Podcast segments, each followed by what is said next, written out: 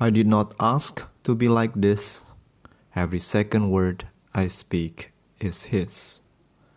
I was a fair lady of charm.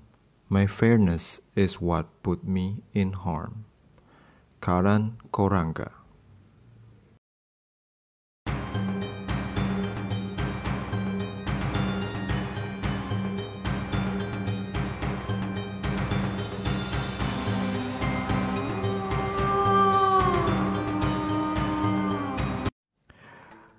Halo semua pecinta dari mitologi santuy Terima kasih untuk dengerin gue lagi di episode terbaru dari kisah Perseus.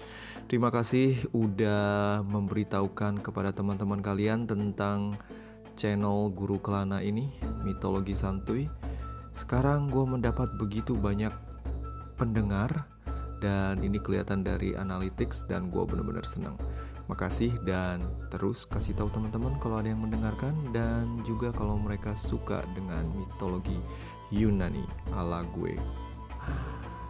Maaf kalau minggu lalu gue nggak gue cuma terbitin satu episode, you know, I mean like um, belakangan ini agak sibuk dengan kerjaan sehingga gue cuma terbitin satu episode setiap minggu. Gue usahain minggu ini gue bisa terbitin dua, tapi kalau nggak tolong maafkan.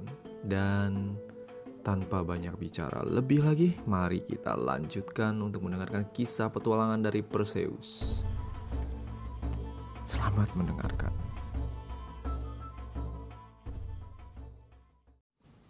Di episode selanjutnya kita tinggalkan Perseus yang terbengong-bengong karena belum mendapatkan informasi lengkap dari kedua kakak-kakak dewatanya, namun kedua saudara dewatanya itu tiba-tiba menghilang dari hadapannya dengan alasan pengen pergi kondangan di Gunung Olympus.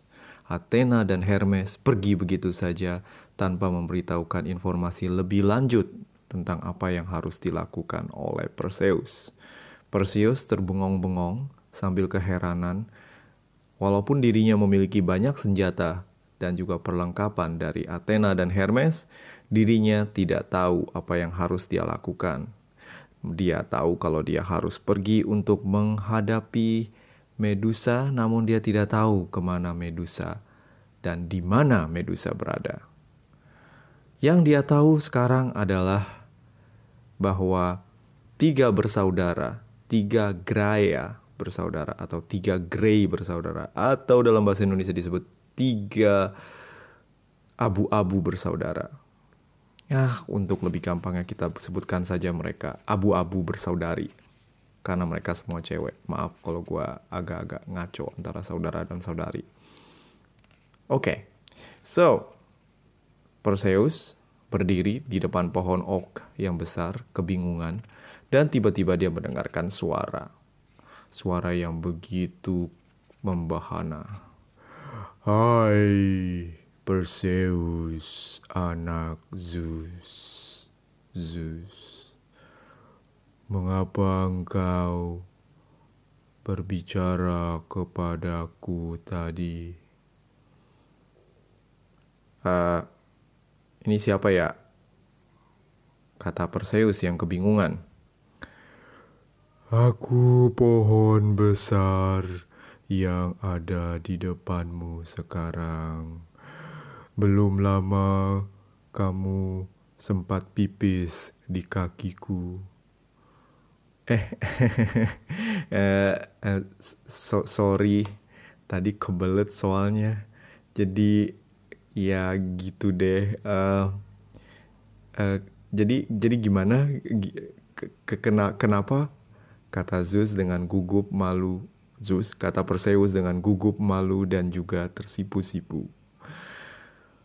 Ternyata sang pohon yang memang merupakan pohon sakti atau pohon ajaib ini memengaruhi simpati pada misi dari Perseus. Dirinya tahu kalau anak Zeus ini diberkati oleh para dewa. Maka pohon ok ini kemudian memberitahu di mana letak dan tempat dari para abu-abu bersaudari tersebut. Wahai Perseus, Aku tahu kau mencari tiga bersaudari yang hanya punya mata satu dan juga gigi satu yang dipakai berganti-gantian bukan? Ah, ya ya ya, benar benar.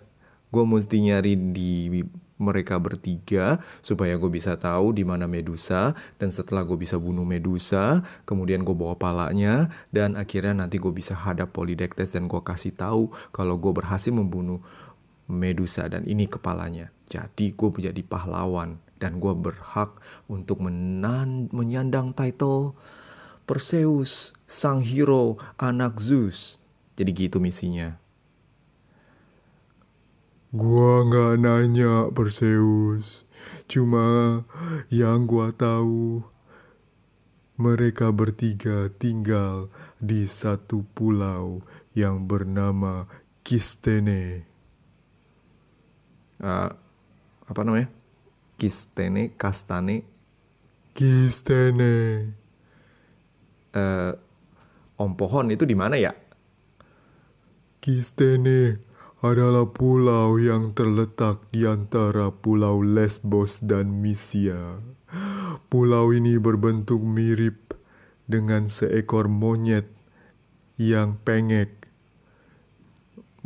Gimana monyet yang pengek? Iya, monyet yang pengek monyet pengek. Sekalian monyet geprek aja gitu. Aku tak tahu apa itu geprek, tapi pergilah, maka engkau akan menemukan tiga bersaudari tersebut. Pergilah, aku mau tidur siang lagi. Oke, makasih ya Om Pohon. Maaf loh tadi aku udah pipis di sana. Maaf ya. Oke deh, aku pergi dulu. Dah. Perseus kemudian menggunakan sepatu terbang yang diberikan oleh Hermes. Sepatu apa? Wait, bukan sepatu. Sendal, sendal. Sorry, sorry. Sendal terbang yang diberikan oleh Hermes. Lalu, dengan bekal konsentrasi, Hermes pun pergi terbang dan mengarah ke Lesbos Lesbos adalah satu pulau yang terletak di lautan Aegea. Dan di pulau ini terkenal merupakan tempat dari Hephaestus pernah jatuh konon. Dan nama Lesbos bukanlah hal yang asing bagi Perseus. Sebagai seorang nelayan, dirinya pernah mencari ikan di sekitaran pulau ini.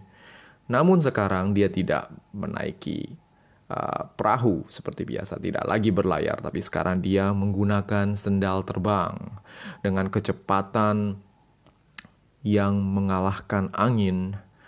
Sang putra Zeus kemudian terbang dan segera sampai di antara pulau Lesbos dan Misia. Matanya yang tajam kemudian mencari-cari pulau yang bentuknya mirip dengan monyet gepeng. Tak butuh waktu lama, setelah dia melihat satu wujud pulau yang memang mirip monyet gepeng itu, dia pun kemudian turun. Saat saat dia tiba, keadaan langit sudah memerah.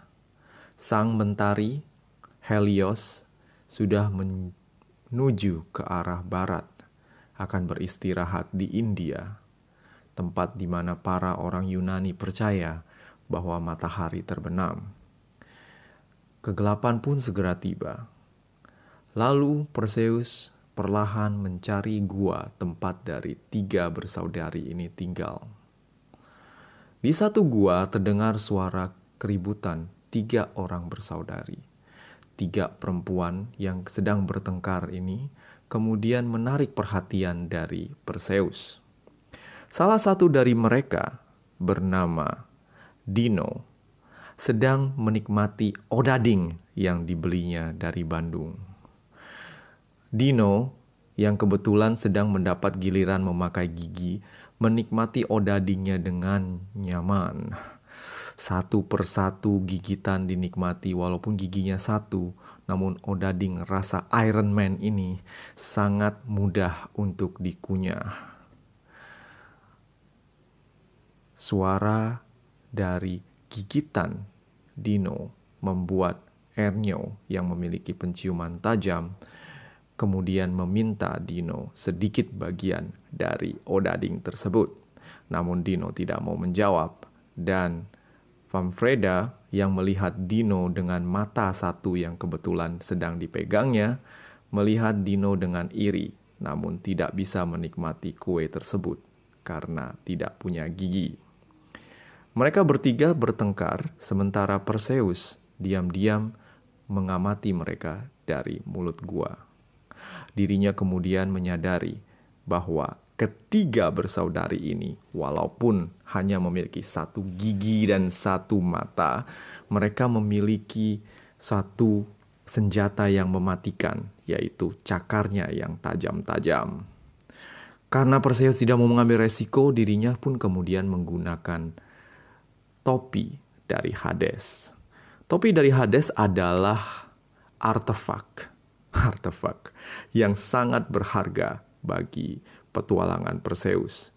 Mengenakannya berarti dirinya tidak akan bisa dilihat oleh makhluk apa pun, sehingga Perseus kemudian menggunakan artefak ini di kepalanya. Perseus lalu masuk ke dalam gua perlahan-lahan dan mendekati ketiga bersaudari yang sedang bertengkar tersebut. Pertengkaran mereka kemudian mengarah pada kondisi ketika Enyo menyadari adanya orang lain di dalam gua tersebut. Pemfreda, Dino, diam sebentar. Aku mencium bau manusia. Hah? Bau apa? Kata Pemfreda. Berikan matamu ke sini. Berikan matamu, sebentar. Aku pinjam. Biarkan aku melihat. Aku mencium bau manusia di sini. Dino yang tengah mengingin, sedang menikmati odading pun berhenti. Lalu mengamati keadaan sekitar, namun dirinya tidak bisa melihat. Satu-satunya yang bisa melihat ke sekeliling adalah Pemfreda. Pemfreda dengan matanya kemudian melihat ke kanan dan ke kiri, namun tidak bisa mendapati siapa pun dengan matanya.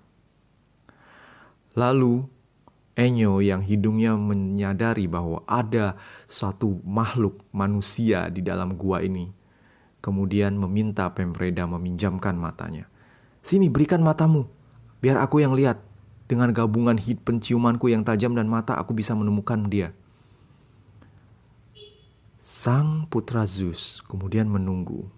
Pemfreda kemudian mencabut matanya dari soket matanya dan kemudian memberikannya kepada Enyo. Namun ketika dia hendak memberikan kepada Enyo, sang putra Zeus, Perseus, merebutnya. Dan Enyo pun berkata, mana matanya? Loh, kan udah dikasih. Hah? Mana? Belum kok. Dan ketiga saudari yang kini buta ini kemudian kebingungan. Perseus memegang tangan dari memegang mata dari ketiga bersaudari ini, kemudian menghampiri Dino dan membekap Dino dan merebut gigi dari Dino tersebut.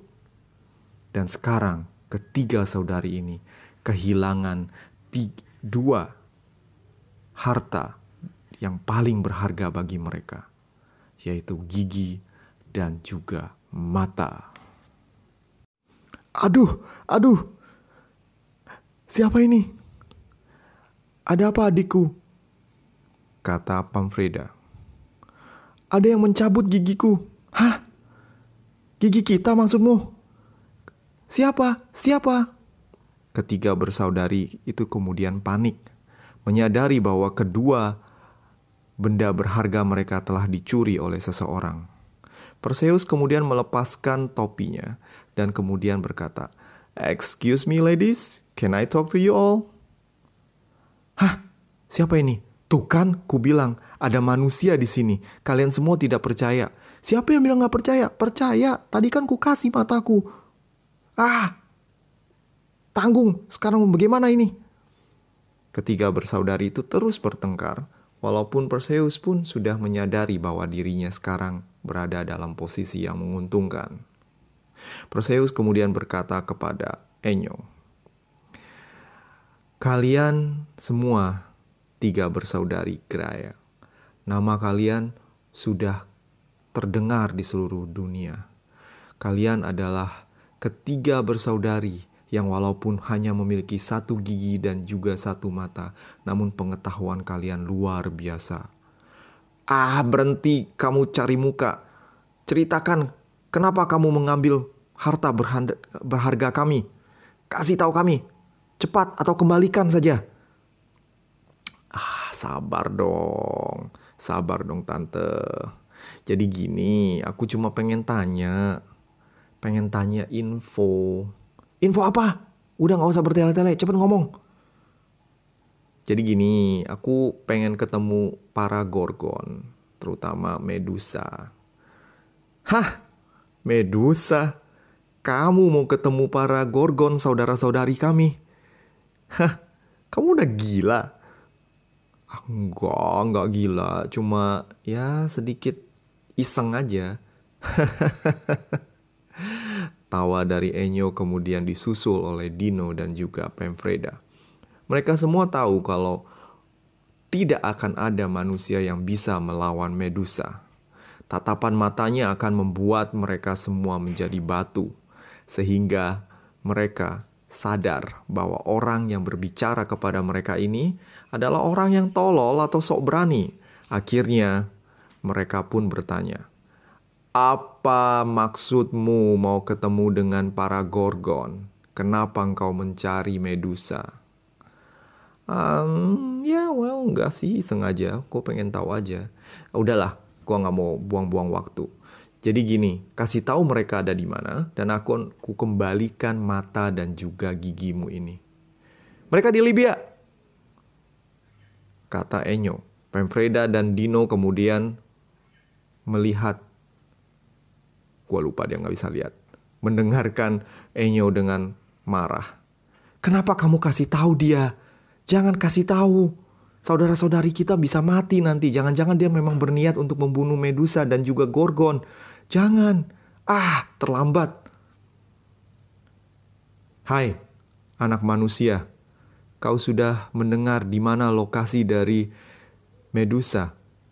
Sekarang kembalikan mata dan juga gigi kami. Cepat, kami butuh. Apalagi aku. Aku masih punya sedikit odading untuk dihabisi.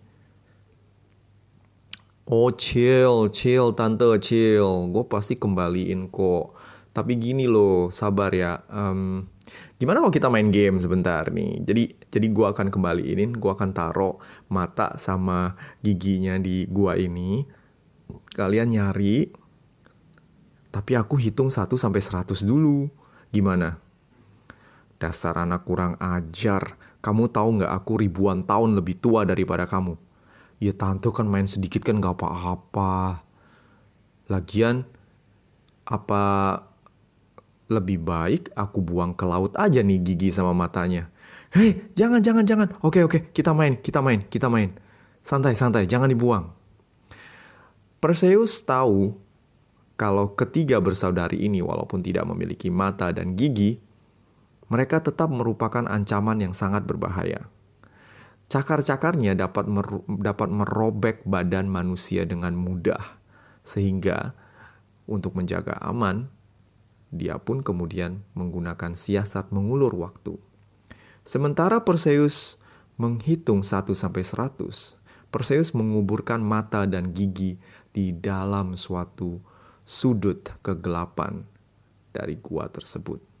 Dengan perlahan dia mengubur dan terus menghitung 1 sampai 100 sampai dia kemudian sampai di pintu gua. Ketika sampai di pintu gua, dia pun langsung pergi dengan menggunakan sendal terbang beserta artefak-artefak lain yang diberikan oleh Hermes dan juga Athena. Tanpa menunggu waktu lebih lanjut, dirinya kemudian pergi terbang menuju Libya. Dengan sendal terbang pemberian dari Hermes, sang putra Zeus pun kemudian terbang menuju Libya. Libya merupakan provinsi bagian Afrika yang dikenal oleh orang Yunani sejak jauh lampau. Ketika berangkat menuju Libya, matahari pun sudah terbenam dan kemudian berganti dengan rembulan. Sang Dewi Rembulan, Selene, sudah muncul di tengah langit yang kelam ketika Perseus sampai di satu gua tempat dari para Gorgon tinggal. Konon para Gorgon ini memang berpenampilan sangat mengerikan. Ada tiga dari mereka, semuanya adalah perempuan.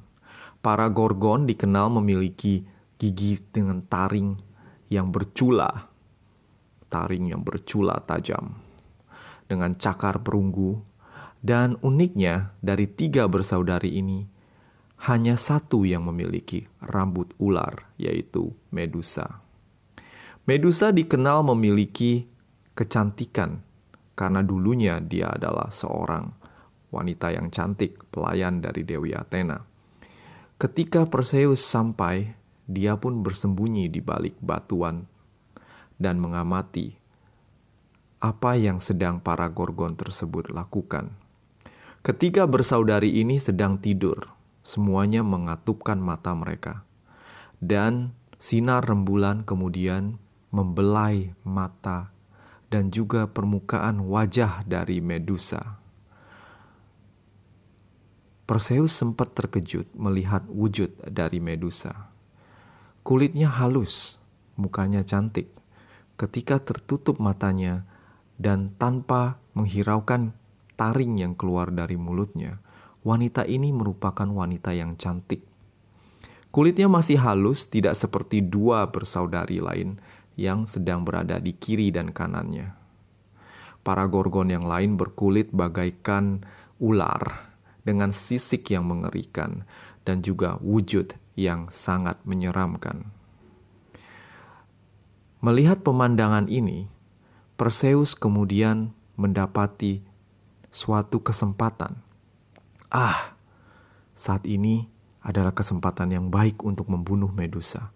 Aku tinggal datang, lalu menggunakan topi, atau aku bisa menggunakan pisau dan langsung membelek kepalanya. Tunggu dulu, ada dua saudarinya yang lain. Hmm, agak terlalu riski. Sinar rembulan kemudian mengemukakan sesuatu fakta yang lain. Ada beberapa banyak patung di sekitarnya. Ada sekitar puluhan patung lelaki yang penuh dengan karisma. Patung-patung ini adalah patung-patung pahlawan dengan otot dan juga dengan senjatanya. Namun uniknya, semua dari patung-patung tersebut menampilkan suatu posisi siap tempur ataupun suatu posisi sedang berusaha bertahan. Muka dari mereka tampak ketakutan seperti melihat sesuatu yang sangat mengerikan. Dengan melihat patung-patung tersebut, Perseus tiba-tiba ciut niatnya. Dia kemudian menyadari nasihat dari Athena dan juga obrolan dari tiga abu bersaudara. Bersaudari, maaf. Oh, tidak. Semua pahlawan ini semua patung pahlawan ini merupakan korban dari Medusa. Medusa membunuh mereka dengan mengubah mereka menjadi batu. Oh my god. Dia dia punya kemampuan seperti mamanya Malin Kundang mengutuk orang menjadi batu. Aku harus hati-hati. Bunuh atau tidak bunuh? Bagaimana ini? Tidak. Nah, sampai sini dulu ya. Di episode selanjutnya kita akan bahas bagaimana Perseus berhadapan dengan Medusa, sang ultimate monster yang merupakan panggilan dari hidup seorang anak Zeus, yaitu membunuh monster. Saat ini kita biarkan dia galau melihat apa yang akan dilakukannya di episode selanjutnya. Oke, untuk saat ini kembali lagi kuingatkan kepada para pendengar dari mitologi santuy. Jika kalian ingin memberikan saran, kritik, atau sekedar pengen ngobrol, kalian bisa menghubungi Guru Kelana di website gurukelana.com, Instagram Guru Kelana, email gurukelana007 at gmail.com. Ya, jika kalian pengen ngobrol sama diriku yang kesepian ini. PSBB benar-benar membuat manusia jauh dari kehidupan sosial. Diriku rasanya sudah mulai bosan dengan cara seperti ini. Semoga keadaan ini akan menjadi lebih baik. Hari ini tanggal 12 Oktober, hari di mana PSBB di Jakarta kemudian dialihkan menjadi PSBB transisi. Ada banyak sektor yang sudah dibuka, namun apakah ini untuk menjadi kebaikan bagi bangsa kita? Aku tidak mau bicara politik, tapi yang jelas, semoga bangsa ini selalu diberkati Tuhan dan kita bisa cepat lewat dari situasi pandemi ini. Amin, amin.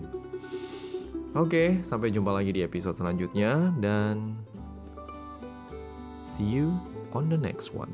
Goodbye.